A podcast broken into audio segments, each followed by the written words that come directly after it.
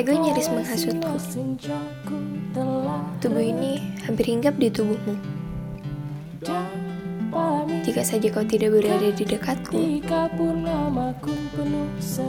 aku tidak akan membuat kalimat ini untukmu.